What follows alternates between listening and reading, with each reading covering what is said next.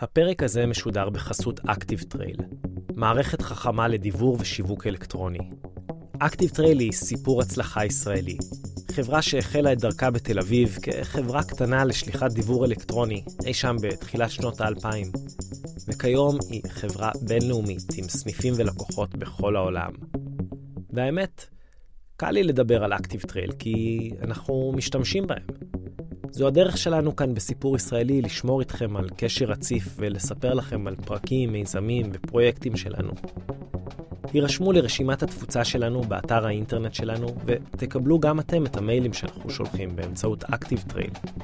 Active Trail תומכים ביצירה ישראלית ובסיפור ישראלי, ואתם מוזמנים לנסות אותם.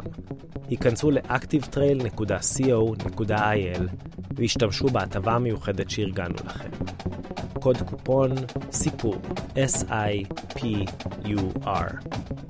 אוקיי.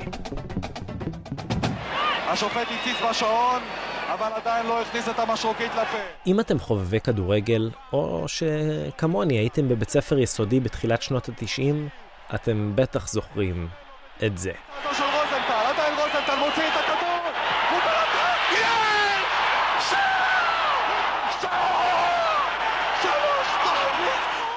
רוני רוזנטל מבשל לראובן עטר את ה-3-2 המפורסם מול צרפת ב-1993 בפריז, במה שעדיין נחשב לרגע השיא של הכדורגל הישראלי.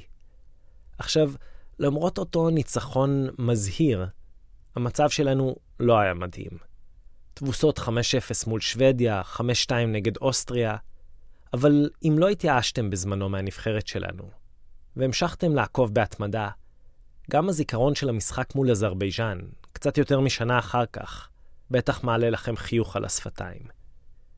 רוני רוזנטל כבש בו את מה שהוכתר אחר כך בעיתונות הישראלית. כלא פחות משער המילניום. ורוזנטל ממשיך כל הדרך, ורוזנטל יעשה 2-0, כן! איזה מבצע אדיר! רוני רוזנטל! זה היה רוני רוזנטל של כל אותם הילדים הישראלים שתלו פוסטרים שלו בחדר, או שדמיינו שהם הוא במגרש האספלט השכונתי. אבל לילדים בריטים, רוני היה ידוע בגלל משהו אחר. Oh. משהו הרבה פחות הירואי.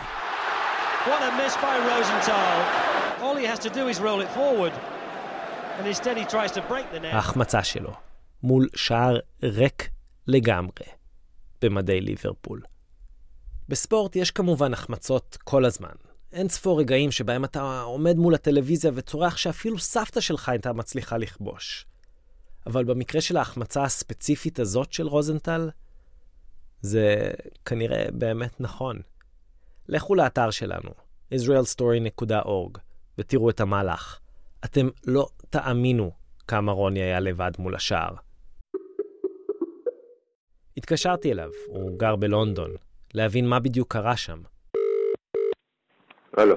אהלן רוני, כן, היי. ביקשתי ממנו לתאר את הצצנה, את מה שהוא זוכר מאותו היום. אה, זה היה בשנת אה, 92, אה, שיחקנו ב- באצטדיון של אסטון וילה. רצתי לכיוון השער, עברתי שחקן או שניים, עברתי את השוער, והשער היה לפניי. כמובן שרציתי לעשות מה שכל אה, שחקן עושה באותו רגע, זה לתת פס על שער ריק, אה, ו... לרוע מזלי הכדור קיפץ ופשוט התחיל לעלות ולרוע מזל הוא פגע ב- במשקוף. Oh. ותגיד, אתה זוכר את התחושה המיידית שהייתה לך ברגע שראית את הכדור אה, לא נוחת ברשת? התחושה היא לא טובה בכלל, כן.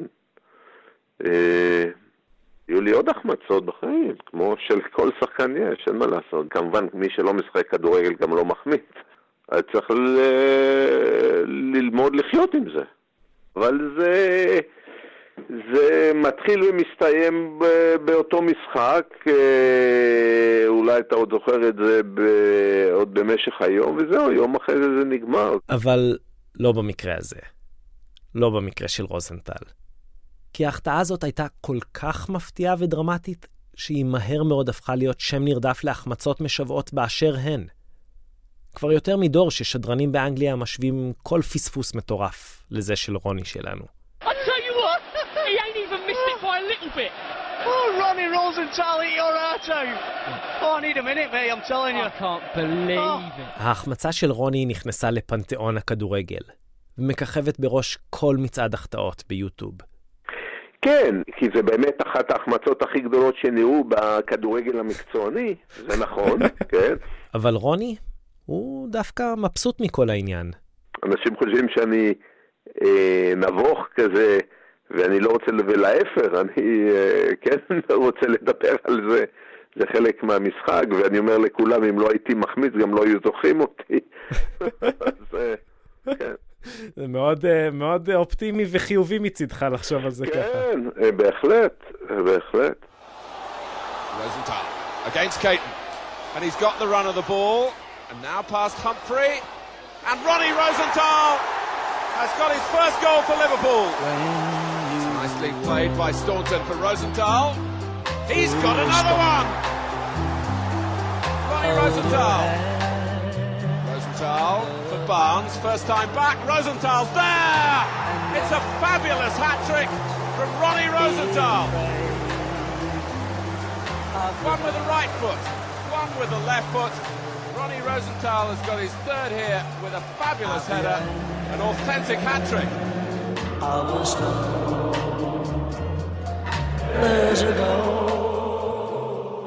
אהלן, אני מישי הרמן, וברוכים הבאים, אחרי הפסקה ארוכה, לעוד פרק של סיפור ישראלי.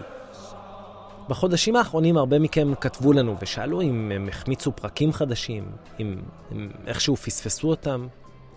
אז התשובה היא לא. לא שמעתם מאיתנו כי עבדנו בטירוף על הופעות חיות, גם בארץ וגם בחו"ל, וגם על סיפורים מורכבים שיגיעו אליכם בחודשים הקרובים. אבל עכשיו אנחנו סוף סוף חוזרים עם פרקים חדשים. ומכיוון שהייתה תחושת החמצה וגעגוע, החלטנו לחזור עם פרק שהוא כל כולו החמצה אחת גדולה. מכל מיני כיוונים.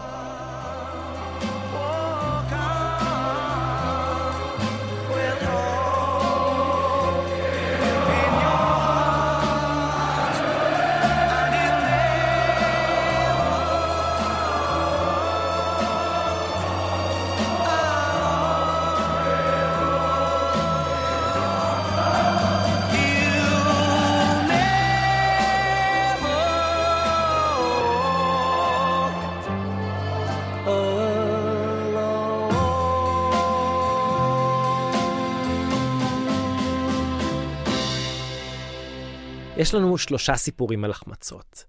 רגעים שבהם המציאות הייתה יכולה ללכת בכיוון מסוים, ואז, פתאום, היא לקחה לה תפנית אחרת. בניגוד להחמצה של רוני רוזנטל, שהיום, כמו ששמעתם, בעיקר איזה סוג של דחקה. להחמצות האחרות שנשמע עליהן, החמצות לאומיות והחמצות אישיות, היו השלכות גדולות, משמעותיות, אפילו טרגיות. מערכה ראשונה, כמעט שלום עכשיו. יש כמובן משהו חמצמץ במושג הזה של החמצה.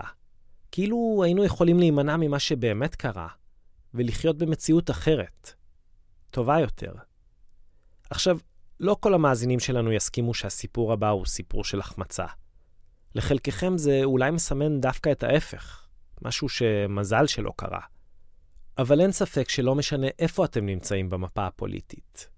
בין אם אתם עומדים כל יום שישי בצהריים בהפגנות של נשים בשחור בכיכר פריז בירושלים, או עושים הכנות לשבת ביישוב היהודי בחברון.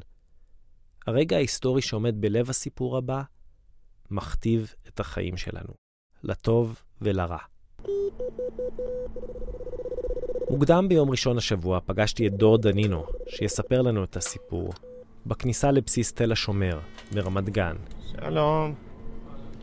אה, אנחנו אמורים לפגוש פה יפעת. צלצלנו באינטרקום ונכנסנו פנימה, לתוך בניין חדש עם שומר חמור סבר בכניסה. יפעת הובילה אותנו לחדר עם שולחנות ומחשבים ונתנה לנו תיקייה דקה. בפנים היה מסמך של ארבעה עמודים מודפסים. אז דור, איפה אנחנו נמצאים? אנחנו בארכיון צה"ל, אה, קיבלנו עותק של המסמך הכותרת היא סודי ביותר. אה, כתוב שזה מבוסס על דיונים שקוימו במטכ"ל, זאת אומרת, ההנהגה הכי בכירה של צה"ל. והמסמך הזה הוא uh, מה-14 ביוני 1967. כלומר, ממש ארבעה ימים אחרי תום המלחמה. המלחמה היא כמובן מלחמת ששת הימים. איך זה בשבילך לראות את המסמך הזה? אתה כבר כמה חודשים uh, מתעסק במסמך הזה. Uh, כן, זה די מרגש. אז הרי לכם הסיפור של אותו מסמך. הנה דור. הסיפור שלנו מתחיל מהרדיו, או ליתר דיוק מתחנת רדיו ספציפית ששידרה מתוך רמאללה. והוא מתחיל ממשימת מודיעין, אליה יצאו שני קצינים צעירים. הוא מתחיל ב-1967. נשיא מצרים, גמל עבד אל-נאסר, הטיל מצור על אילת, בחסמו את מיצרי טיראן בפני אוניות השטות לישראל. בעקבות ישיבת הממשלה, ולאחר דבריו בקול ישראל, נתכנסה מליאת הכנסת כולה, כדי לשמוע במתח רב את הודעתו של ראש הממשלה ושר הביטחון, מר לוי אשכול. סביר לצפות שהמדינות התומכות בעיקרון חופש השיט יעשו ויתאמו פעולה יעילה כדי להבטיח שהמיצרים והמפרץ יהיו פתוחים למעבר ספינותיהן של כל האומות ללא אפליה תוך זמן קצר. דן בבלי, קצין מילואים, ישב בבית, האזין לראש הממשלה אשכול ברדיו, וחיכה שתפרוץ מלחמה. לפיכך צה"ל יעמוד מגויס, אכן על משקו, נכון לכל מבחן ולעת הכרח כוחו עמו להכריע את תוקפיו. הסיפור של ערב מלחמת ששת הימים הוא סיפור מוזר מכיוון שהיה מין תקופה שנמשכה שבועיים שלושה של מין שתיל מוחלט, חיכו למלחמה ולא ידעו מה שיהיה מלחמה. דייב באותו העת עבד במוסד אבל הוא היה בשבתון ועבד על הדוקטורט שלו. דייב הוא דייב קמחי, איש מוסד וחבר טוב של דן. תכף תבינו איך הוא משתלב בסיפור. ואני ב... הייתי מ"פ בחטיבה הירושלמית, בחטיבה מחוז 16. המלחמה התחילה, לא הייתי בקשר איתו עד יום לפני סוף המלחמה, וצלצלתי אליו, אז אמרתי, תשמע, יש לי משימה, התבקשתי להפעיל את ה-Hashemite Broadcasting Service מחדש, להרגיע את האוכלוסייה הערבית שאין פנינו למלחמה, ו- ו- ולהפעיל בצורה חיובית את השירות השידור הערבי. בוא תצטרף אליי. כמו שדן אמר לי כשנפגשנו, שנות ה-60 בארץ זה היה עולם אחר. בתקופה הזאת היה לגמרי הגיוני שסוכן מוסד ירים טלפון לחבר שלו ויבדוק אם בא לו במקרה להצטרף לאיזה מבצע קטן. דן היה בקטע. השניים נכנסו לאוטו ועלו לירושלים. הסתובבנו קצת בשייח' ג'ראח, פגשנו בוס לשעבר שלנו ששמו היה טד לורי, ושהוא היה העורך הראשי של הג'רוזלם פוסט. אנחנו היינו ביחסים טובים איתו, והוא עמד ודיבר עם העורכים של העיתונים הערבים של מזרח ירושלים, וסיפרנו להם מה המשימה שלנו, והם אמרו, אנחנו נעזור, לך, נעזור לכם למצוא את המנהל של שירות השידור Hashemite Broadcasting. אבל הוא ברמאללה. אז הם המשיכו בנסיעה. האיש שחיפשנו היה שמו אודה, אחד מאודה. ההוראות שקיבלו היו טובות, והם מצאו את הבית של אודה, מנהל הרדיו ההאשמי, בלי בעיה. אבל לא היה שם אף אחד. דן ודייב עמדו שם, מול השער הנעול, ולא ממש ידעו מה לעשות. אז הם שמו לב שמעבר לכביש היה... בית קטן, ובדלת הכניסה מחכה לנו איש שהוא בערך עשר שנים מבוגר מאיתנו, פיזית. גוץ כזה, לא נורא שמן, אבל יותר קטן פיזית מאיתנו. Well, uh, it so happened that... Uh, טוב, במקרה יצא שדן בבלי ודוד קמחי חיפשו את השכן שלנו, שעבד ברדיו בתחנת השידור ברמאללה.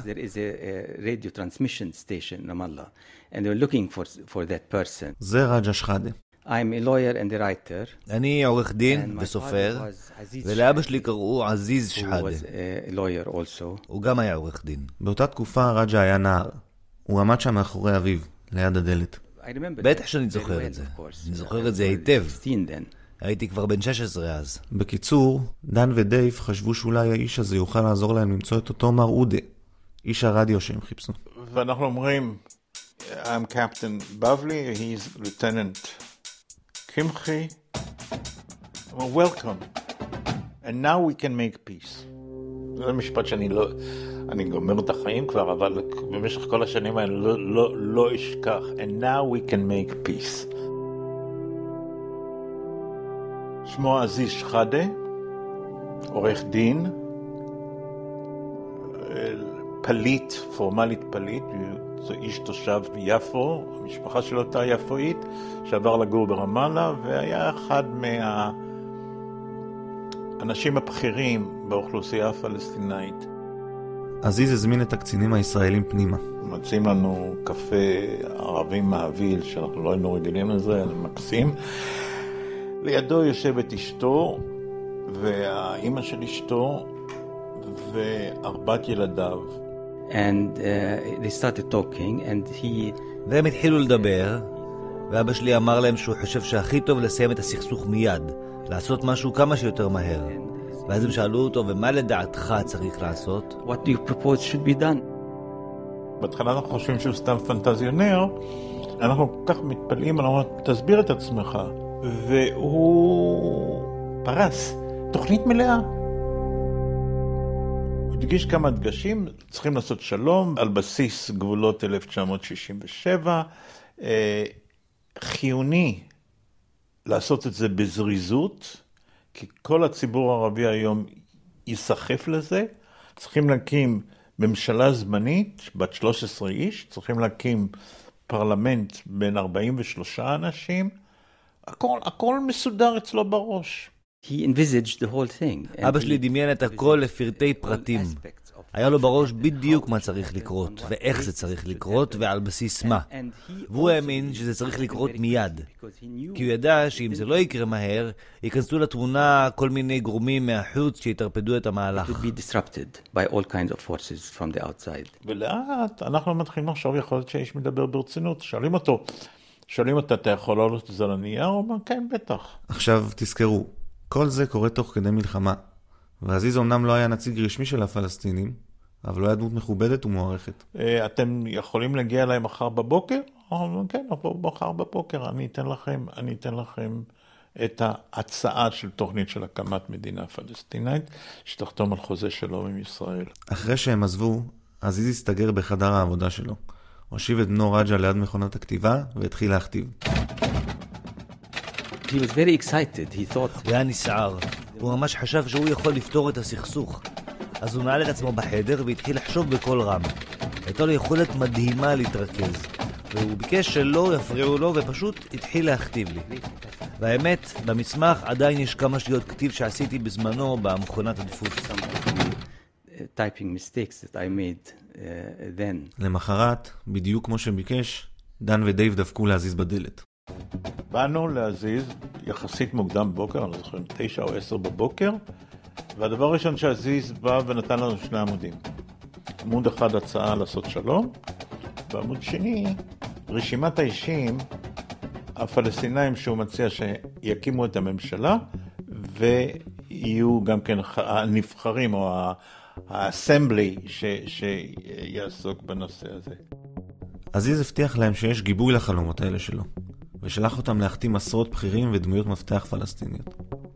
מג'נין וטול כרם ושכם ועד לחברון ומזרח ירושלים. וכל הזמן עזיז חזר לעניין אחד, שהיה אקוטי בעיניו, המהירות. תוך שבוע צריך להקים את הממשלה הזאת, תוך חודש הם צריכים לחתום על חוזה השלום הזה. צריכים לנצל את ההלם ואת הרצון הטוב שנלווה להלם הזה. בשלב הזה, דן ודייב כבר זנחו לגמרי את המשימה המקורית שלהם, להפעיל מחדש את תחנת הרדיו הירדנית, ולקחו על עצמם משימה חדשה, קצת יותר מאתגרת. למצות את הפוטנציאל של היוזמה העצמאית של שחאדה, ולהשכין שלום עם הפלסטינים. וכך, ימים ספורים אחרי שהצנחנים פרצו להר הבית, וכוחות צה"ל כבשו את עזה, סיני, הגדה המערבית ורמת הגולן, הסתובבו להם שני ישראלים בשטחים הכבושים, וחיפשו את שוחרי השלום שעזיז דיבר עליהם. הלכנו ומצאנו בקסבה את, את מוחמד יחיא, האיש עוד יותר מבוגר, הוא בטח היה בן 60 אפילו, שזה אז בשבילי זה היה אנטיקה, לא ידעתי מה שהולך לקרות לי. והוא שמח לראות אותנו גם כן, והוא, אבל יותר מאוחר למדנו שהוא היה אחד מהאנשים הקיצוניים נגד אנטי-ישראלים, אבל זה היה תקופה אחרת, זה היה תקופה של הלם, אנשים חיפשו את האפשרות להושיט יד, והוא היה דוגמה מצוינת לזה. שאלנו אותו אם הוא אה, יבוא איתנו לרמאללה, הוא אומר, בבקשה, בשמחה, ו, אה, ולקחנו אותו ל, ל, לרמאללה ל, לראות את הזיז.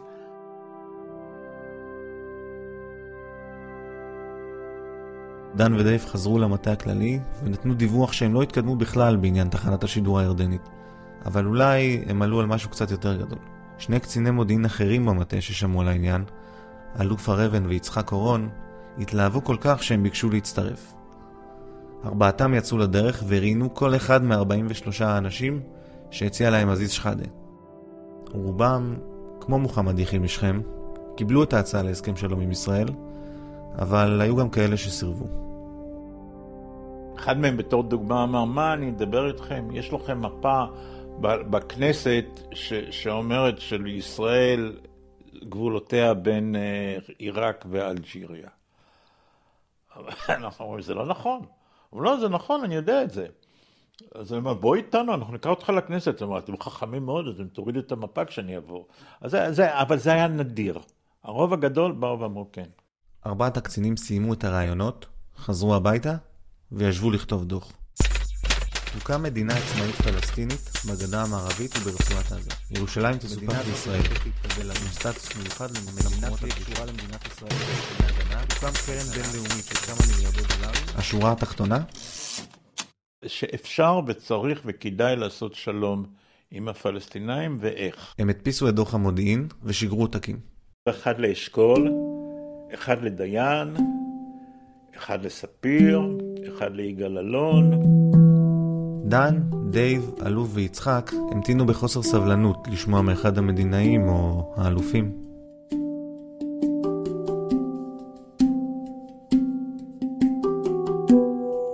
היו אנשים כמו ישראל גלילי ויגאל אלון ודיין, שאמר נחכה לטלפון. היה טלפון, הייתה שיחת טלפון, רק הוא לא היה מוכן לקבל אותה. זה עקיבא אלדר, עיתונאי שמסקר את הסכסוך הישראלי-פלסטיני כבר יותר מ-30 שנה. נפגש איתו כדי לנסות להבין איך יכול להיות שהייתה כזו נכונות לשלום מצד הפלסטינים, ומדוע דיין שחיכה לשיחה לא הבין את ההזדמנות. הוא רצה לקבל שיחת טלפון מירדן. הוא קיבל שיחת טלפון מהרבה יותר קרוב, והוא התעלם ממנה. הדרג המדיני התנהג אז, הביטוי היה שיכור ניצחון, שיכור. זאת אומרת, הייתה, הייתה התנהגות של אנשים, של אנשים שיכורים. זה לא מקרה שמשתמשים בביטוי שיכור ניצחון, כי מה זה שיכור? זה, זה אדם שהמוח שה, שלו לא מתפקד כראוי. הפלסטינים לא ראו בישראל את האויב שהיא היום, כי הם לא היו תחת כיבוש ישראלי. זאת אומרת, היום יש הרבה יותר בית בלעד, דם רע בינינו לבין הפלסטינים מאשר היה אז. רג'ה שחאדה מוסיף עוד פקטור משמעותי, התפקוד, או יותר מדויק חוסר התפקוד, של הצבא הירדני בזמן מלחמת ששת הימים. למרות כל הרטוריקה שלו, הצבא הירדני לא ממש נלחם בעוז או הגן על התושבים הפלסטינים. אנחנו היינו אזרחי ירדן אז, והייתה לנו תחושה שהצבא בגד בנו. אבל בינתיים, בצד הישראלי, האווירה הייתה אופורית. לקיים דיאלוג עם הפלסטינים היה נראה כמו דבר דמיוני. אני הייתי אז סטודנט ב-67, התפיסה שלנו הייתה, של הדור שלי, שאנחנו לא הולכים להישאר שם. זאת אומרת, שאנחנו הולכים להחזיר את זה לירדן. המונח מדינה פלסטינים, זה היה נבואי מה שהם אמרו. הם דיברו במונחים שהיום הם המיינסטרים הישראלי.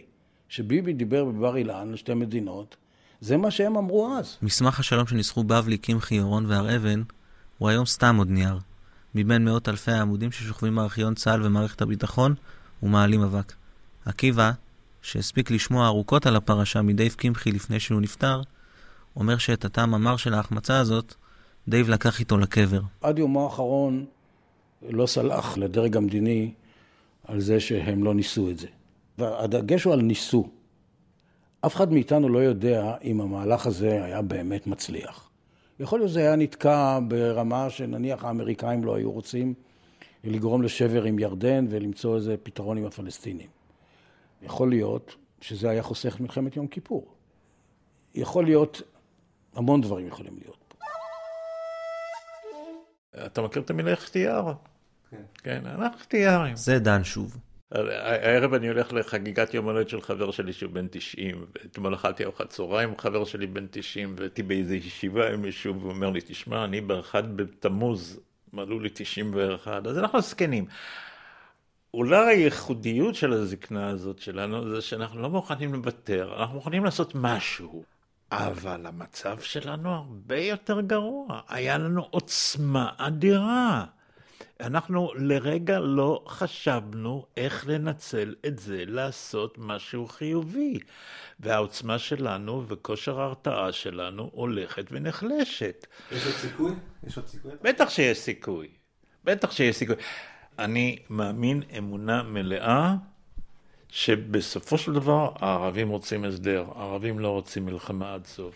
Well, I think uh, uh, there are changes, of course, and, and אני חושב שהרבה קרה מאז 67, כמובן, ושצריך לקחת בחשבון את השינויים האלו.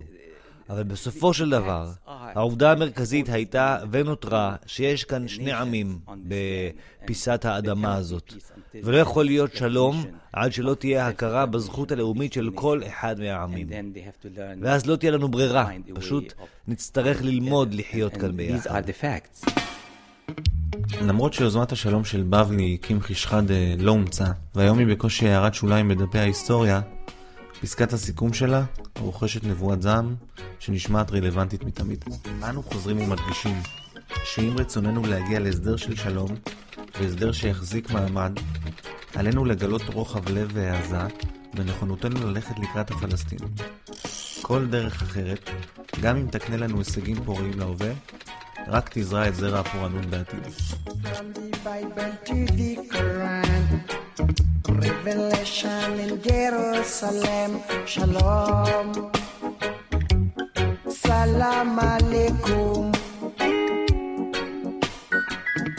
You can see Christian, Jews, and Muslims living together and praying, Amen. Let's give thanks and praises. Baruch Ata Adonai. Baruch Abba Yerushalayim.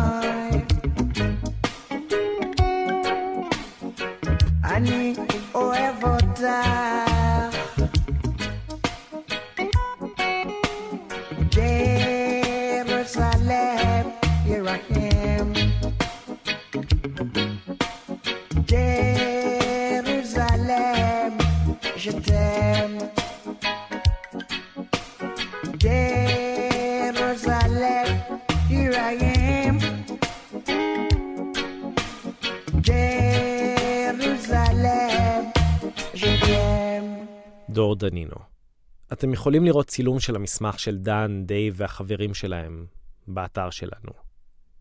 בתחילת דצמבר 1985, אבא של רג'ה, עזיז שחאדה, נדקר למוות מחוץ לבית שלו. הרוצחים מעולם לא נתפסו. אז אם זה היה הסיפור של החמצה לאומית, היסטורית או גיאופוליטית, הסיפור הבא שלנו, שמביא לנו יוחאי מיטל, הוא סיפור של החמצה מאוד אישית. החמצה של שבועיים. מערכה שנייה, הולטן.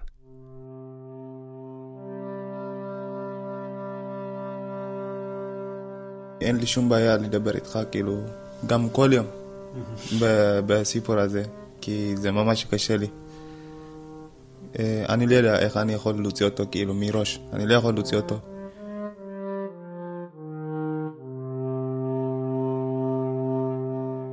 עד עכשיו, כאילו, אני לא, כאילו, לא, לא מרגיש טוב. כל יום, כל יום, אני לא ישן גם דקה. מתי שאני מתערער, כל יום חושב על זה. היא נתנה לי את התמונה ושם שלו ביחד. לא הייתי מספיק להחזיק את השם שלו. שאלתי אותה, כאילו, פעם שנייה, והיא לא רצה להגיד לי ולא רצה לראות לי את התמונה גם. איך היית קורא לו? אם היית מקבל אותו? אתה יודע? חשבת על זה? כן, הולטן. בטיגריניה הוא נמצא כאילו ולא מת.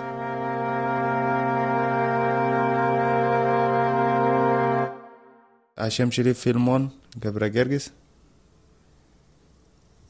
אה, אני בן 24. אה, נולדתי באריתריאה. התגדלתי עם אה, סבתא שלי. בשבילי היה ממש קל. כאילו, היה לי הכל. התחלתי לשחק אופניים בגיל 14. אתה, אתה מכיר את הטור די פרנס? זה, זה אותו דבר כזה יש באריתריאה גם. אז היית בקבוצה? כן, בקבוצה. היית מדורג? כאילו היית בין הטובים או... כן, ממש, ממש. כאילו הייתי מנצח כל יום. וואלה, ניצחת את הטור האריתראי?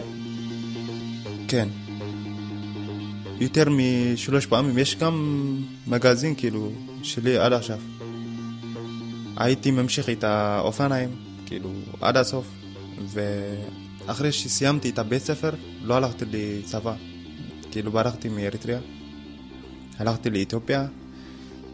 לא הייתי חושב שאני אבוא לישראל.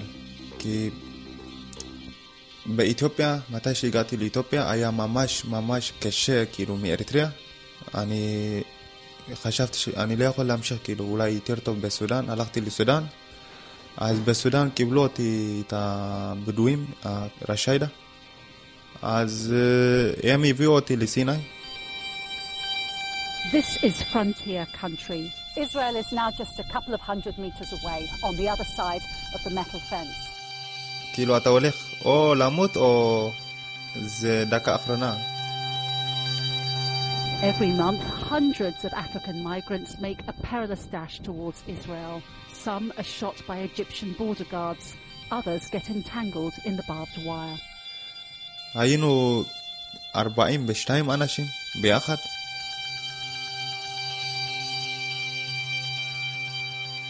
הגענו 36 אנשים ליפול לארץ. באתי לחולות, הייתי שבועיים, נתנו לי כרטיס של האוטובוס רק לתל אביב. הגעתי לפה לתחנה מרכזית, תל אביב. יצאתי מתחנה מרכזית כי ראיתי את הליביניסק פארק, זה היה מקום. ישנתי שם שלושה ימים. כאילו היו הרבה חברים שם, ישנתי איתם שלושה ימים, ראיתי הכל, אין אוכל, אין מים, אין כלום. ואחרי זה התחלתי לעבוד. כאילו חייב להתחיל לעבוד, כי אני יכול להמשיך למות, כאילו. אז התחלתי לעבוד בבניין, וזה ככה, כאילו היה שנתיים. עבדתי ככה בבניין. חשבתי משהו, אולי אני אביא את החברה שלי מאריתריאה.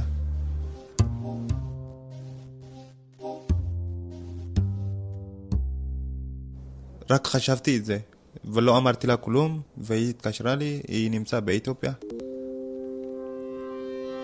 אין לי אה, מישהו שיכול לעזור לי. אמרתי לה, בסדר, כאילו, היה לי כסף.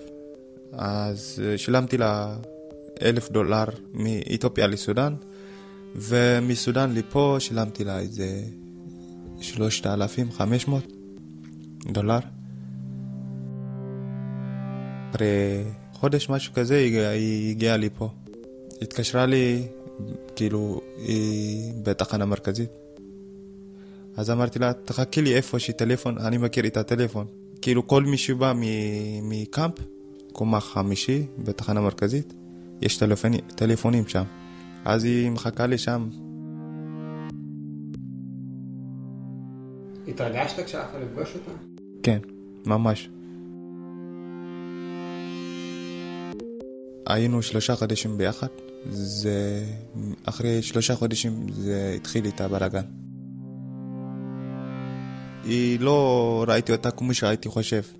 היא נראה כמו שהיא אוהבת למישהו אחר.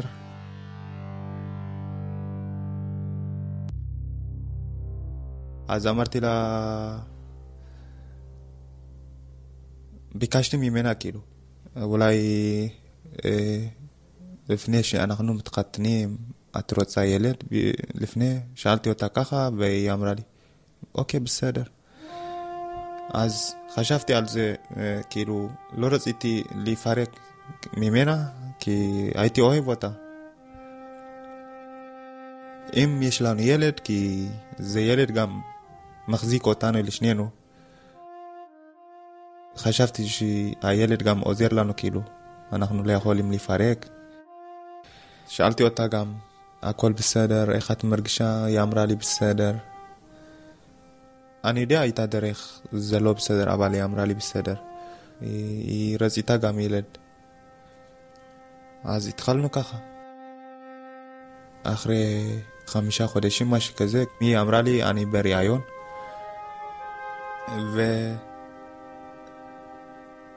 ואחרי זה היא הייתה חולה, ממש קשה. לקחתי אותה לפרמסי, היה בשכונת התקווה, אחד.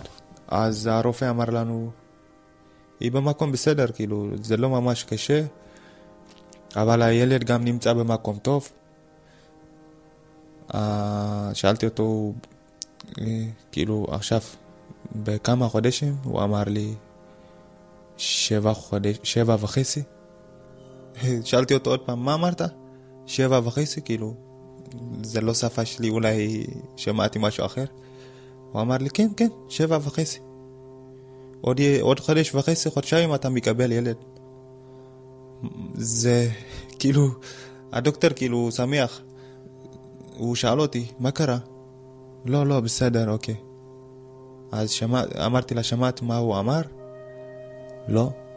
אז בסדר, בוא נדבר בבית. אמרתי לה ככה, והבאתי אותה לבית. דיברנו על זה, ישבנו כאילו, דיברנו על זה. אז היא אמרה לי, לא, זה לא יכול. אז כאילו בסוף, בסוף, אז היא אמרה לי ככה, היה לי חבר בדרך. שאלתי אותה גם, עוד פעם, כאילו, מה עשיתם, כאילו, סקס, משהו בסיני? היא אמרה לי, כן. אז אחרי זה, כאילו, הבנתי שזה לא ילד שלי. אז אמרתי לה, אז תחפשי אותו, איפה הוא נמצא. תשאלי אותו, אולי זה שלו. לא הייתי מאמין אותה. אם אני לא מאמין אותה, אני לא יכול, כאילו, לזוג אותה. לזוג? כאילו, זה סתם. עשיתי טעות, ברחתי מפה.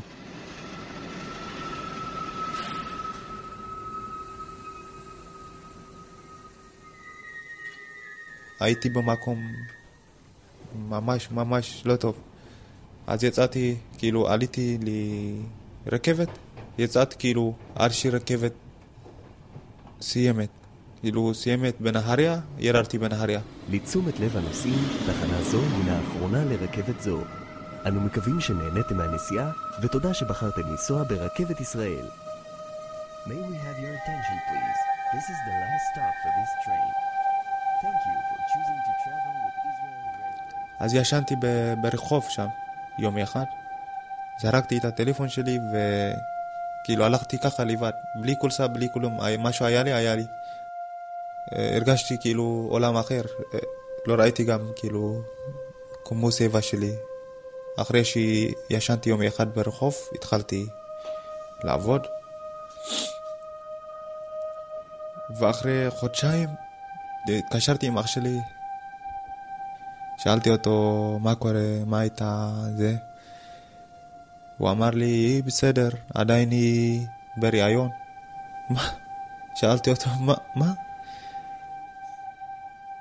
אבל הדוקטור אמר לי שזה שבע וחצי, איך זה קרה? הוא אמר לי, לא יודע, ככה הלך זמן, הלך שלושה חודשים, משהו כזה. ואחרי זה אח שלי התקשר אליי, היא ילדה, אבל כאילו הילד מת. היא נפלה מהמדרגות והיא הלכה לבית חולים, הילד מת.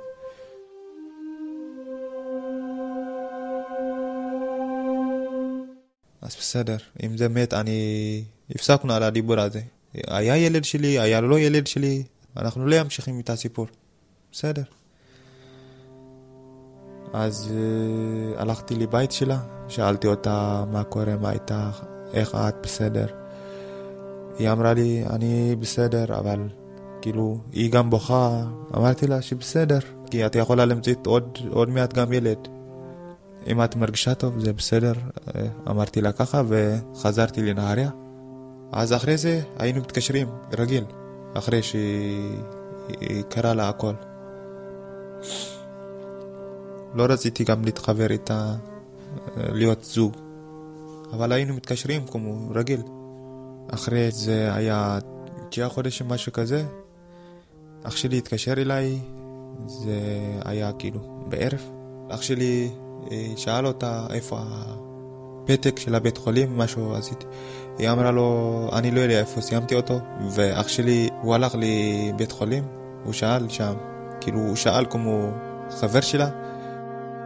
הייתה פה חברה שלי, ילדה, והילד מת, איך זה קרה לה? כאילו שאל כזה, אמרו לו, לא, הילד לא מת. ברגע הזה אח שלי מתקשר אליי, הילד לא מת, אתה חייב לבוא לתל אביב.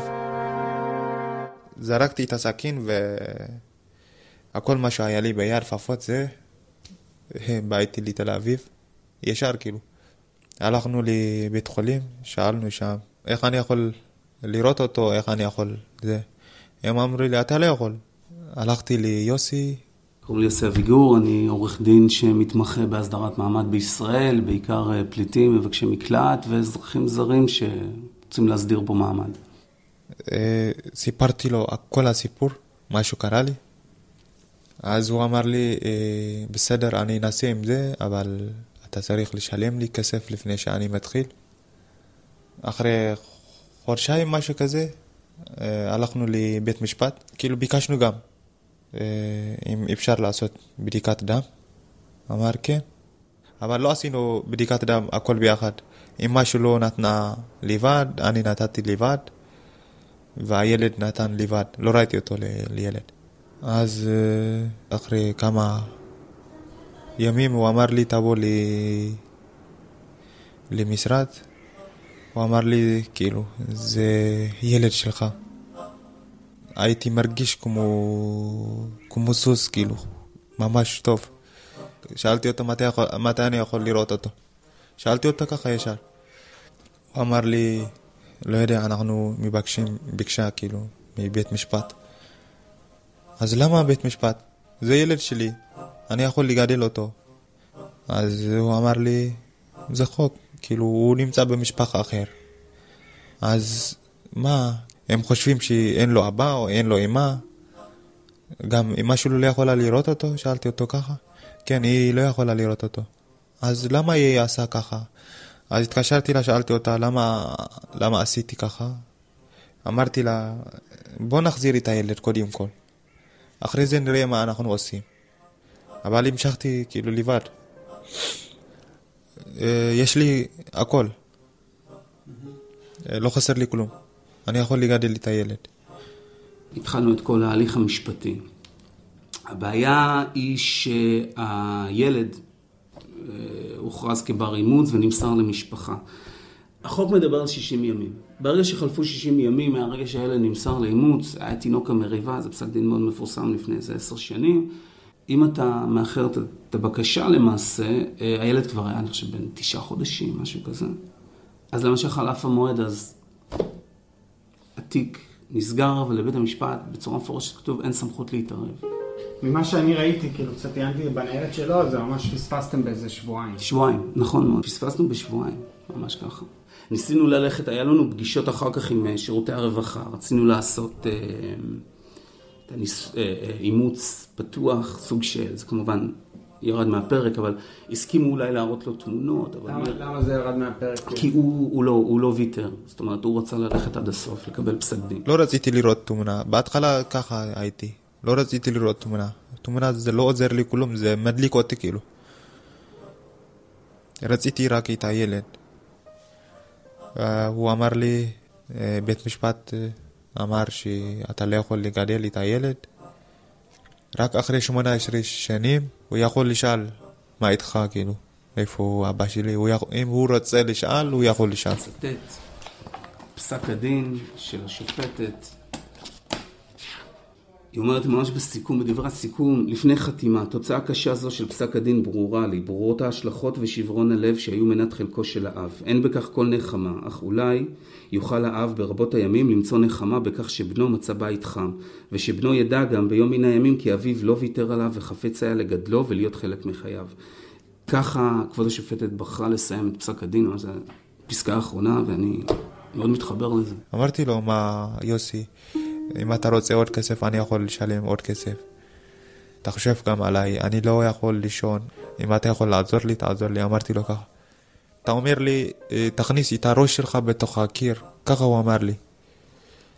אז אה, מה אני יכול לעשות? הוא אמר לי ש... תחכה אולי לזמן. איזה זמן אני מחכה? אני לא יודע איפה יהיה. אני אין לי תעודת זהות להישאר פה עד 18 שנים. אם היית יכול, היית פשוט נשאר פה? בטח. הייתי מחכה לו 18 שנים. אז למה אתה זורק אותי ככה? שאלתי אותו ככה. אין לי מה להגיד לך, כאילו. הוא אמר לי ככה, אין לי מה להגיד לך, אולי אני יכול לעזור לך בביזה, משהו כזה, איך שאתה יכול להישאר קצת, אולי פה. אני כאילו נמצא עכשיו עוד מעט חמש שנים בארץ. אני לא יודע, אתה יודע את החוק של החדש. כאילו מישהו יותר מחמש שנים, הוא נמצא בכלא אחרי עשרים חודשים, הוא הולך למדינת אחר כאילו. אז אני משאיר את הילד שלי ואני לא יודע איפה אני הולך. אני, אני לא יודע מה יהיה מחר כאילו עכשיו. עד עכשיו אני לבד. כל בוקר אני חושב על הילד. איך הוא, איך הוא נמצא, איך הוא... וככה נגמר את הסיפור.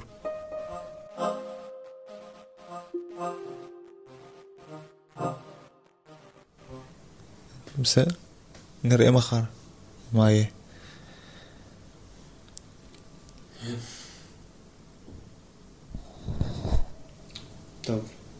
אני אכבה. זמן קצר אחרי שיוחאי ישב איתו, פילמון נהיה הקפטן של נבחרת הרכיבה ביסיקלטה, קבוצה מעורבת של ישראלים ופליטים אריתראים. הוא היה הכוכב של הקבוצה, הכוח המלכד שלה. הם התאמנו בשיא הרצינות לאליפות הארץ ברכיבת אופני כביש, והאימונים, פילמון סיפר לנו, הפכו להיות סוג של מפלט, או מקלט, מהסיפור הכואב שלו. מהמציאות הלא פשוטה של חיי פליטות ועוני. אבל אז הוא קיבל צו התייצבות במתקן חולות. בהתחלה, אחרי שהתפרסמו כמה כתבות על כך שקפטן קבוצת הרכיבה זומן לחולות, הוא קיבל דחייה של חודש, והיה נראה שהוא הולך לצאת מזה. אבל אז, כשהחודש הסתיים, הודיעו לו שאין דחייה נוספת. כל נבחרת האופניים יצאו ברכיבה קבוצתית עצובה דרומה, למתקן, אי שם בפאתי ניצנה, ליד הגבול עם מצרים. אבל פילמון החליט שבמקום ישיבה חסרת מעש בלב המדבר, הוא מעדיף לנסות את מזלו בארץ אחרת. הוא חתם על עזיבה מרצון, ושלושה ימים אחר כך הוא קיבל מהמדינה סכום כסף וכרטיס טיסה בכיוון אחד, לרואנדה. אבל ממש שנייה לפני שיוחאי עזב את הדירה הקטנה שלו בשכונת שפירא בדרום תל אביב, הייתה לפילמון בקשה. שנשאיר עותק של הסיפור ששמעתם בתיק האימוץ, כדי שיום אחד הבן שלו ידע שאבא שלו אוהב אותו, שהוא לא ויתר עליו ושהוא רצה לגדל אותו. אז פילמון, אם אתה איכשהו מאזין עכשיו, תדע שהסיפור תויק. ואיפה שלא תהיה, אנחנו מקווים שאתה בטוב, ומאחלים לך הצלחה במסע החדש שיצאת אליו. ולסיום, משהו אחר לגמרי. החמצה ספרותית. ממסכת ראש השנה בתלמוד קיבלנו, במילים קצת אחרות, את משנה מקום משנה מזל. בדרך כלל מתכוונים לזה כמשהו טוב, שיפור. קחו את סנדרסון ועולה ארצ'יק למשל. קיבלתי עונש קצת מוגזם שפטו אותי למוות. ישבתי על כיסא חשמל, נפרדתי מהפרייבט. ויכולתי לפחות להחליף את הכיסאות, כי אומרים בדרך כלל משנה מקום, משנה מזל. אבל אני תמיד חשבתי דווקא על אלו שלא משנים מקום, ועל מה הם מחמיצים. ומה שגרם לי לחשוב על זה, עוד כשהייתי בחטיבה, היה סיפורונצ'יק של אדגר קרת, בספר צינורות. שנים אחר כך, כשכבר נהיינו חברים, שאלתי אותו על הסיפור הזה.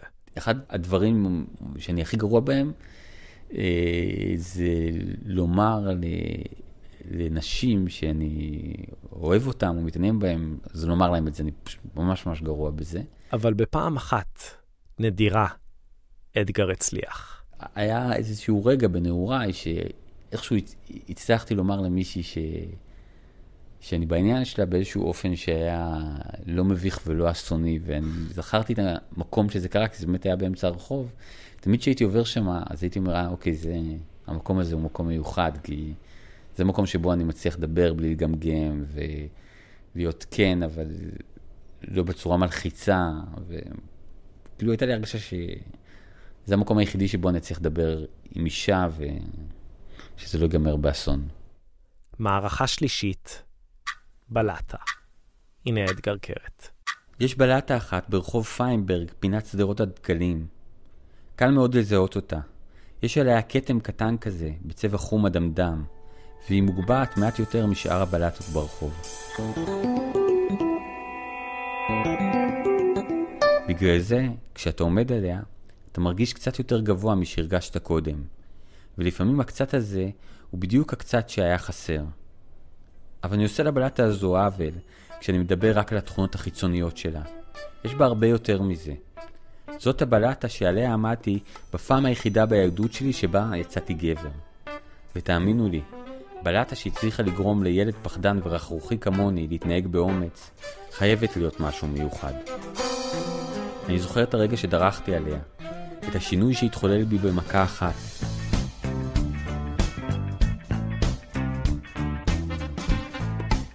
הרגשתי את הכוח שמגיע ממנה, עולה דרך הרגליים ומתפשט בשאר איבריי. כל הפחד שהיה בי נעלם. ידעתי כי כל עוד אני עליה, כל מה שאעשה ואומר יכול רק להצליח.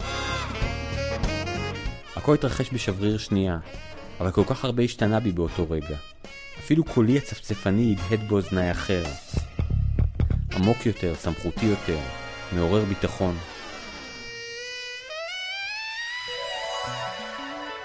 אני אוהב לחשוב שגם עבור הבלטה היה זה רגע מיוחד.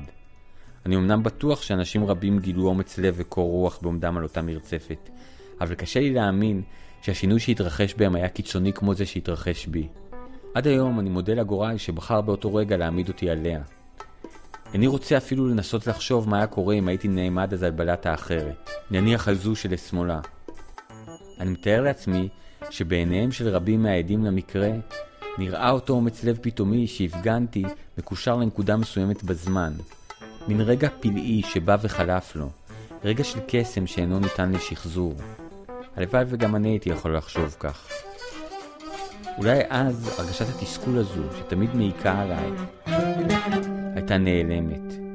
אבל קשה שלא לכעוס כשאתה יודע בביטחון מלא שכל המבחנים שבהם לא עמדת, רעיונות העבודה הכושלים, הצהרות האהבה שלא נענו, היו מסתיימים לגמרי אחרת אם רק היית יכול לבצע אותם על הבלטה הזו. אבל את מי לעזאזל כבר אוכל לפגוש ברחוב פיינברג, פינת הדקלים. וזהו, זה הפרק שלנו. רוב המוזיקה בסיפורים היום היא מוזיקה מקורית שהלחין וביצע יוחאי מיטל, שגם ערך את הפרק. חוץ ממנו, צוות סיפור ישראלי כולל את רועי גילרון, שי סטרן, מאיה קוסובר, איתי היימן, דנה פומרני, רייצ'ל פישר, קייטי פולברמן ואיאן לבר. תודה לבני בקר היקר, ליוסי צברי ולנותני החסות שלנו, ActiveTrail, מערכת דיוור משובחת, שיש בה גם תמיכה ישראלית. אני מישי הרמן, וממני ומכל צוות התוכנית. שלום שלום.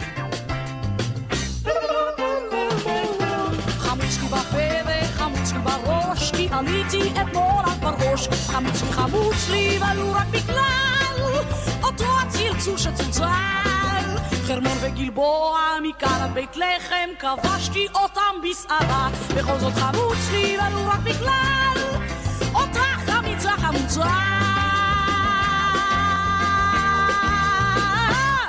חמוץ, חמוץ, חמוץ, חמוץ, כמו כבל קצוץ,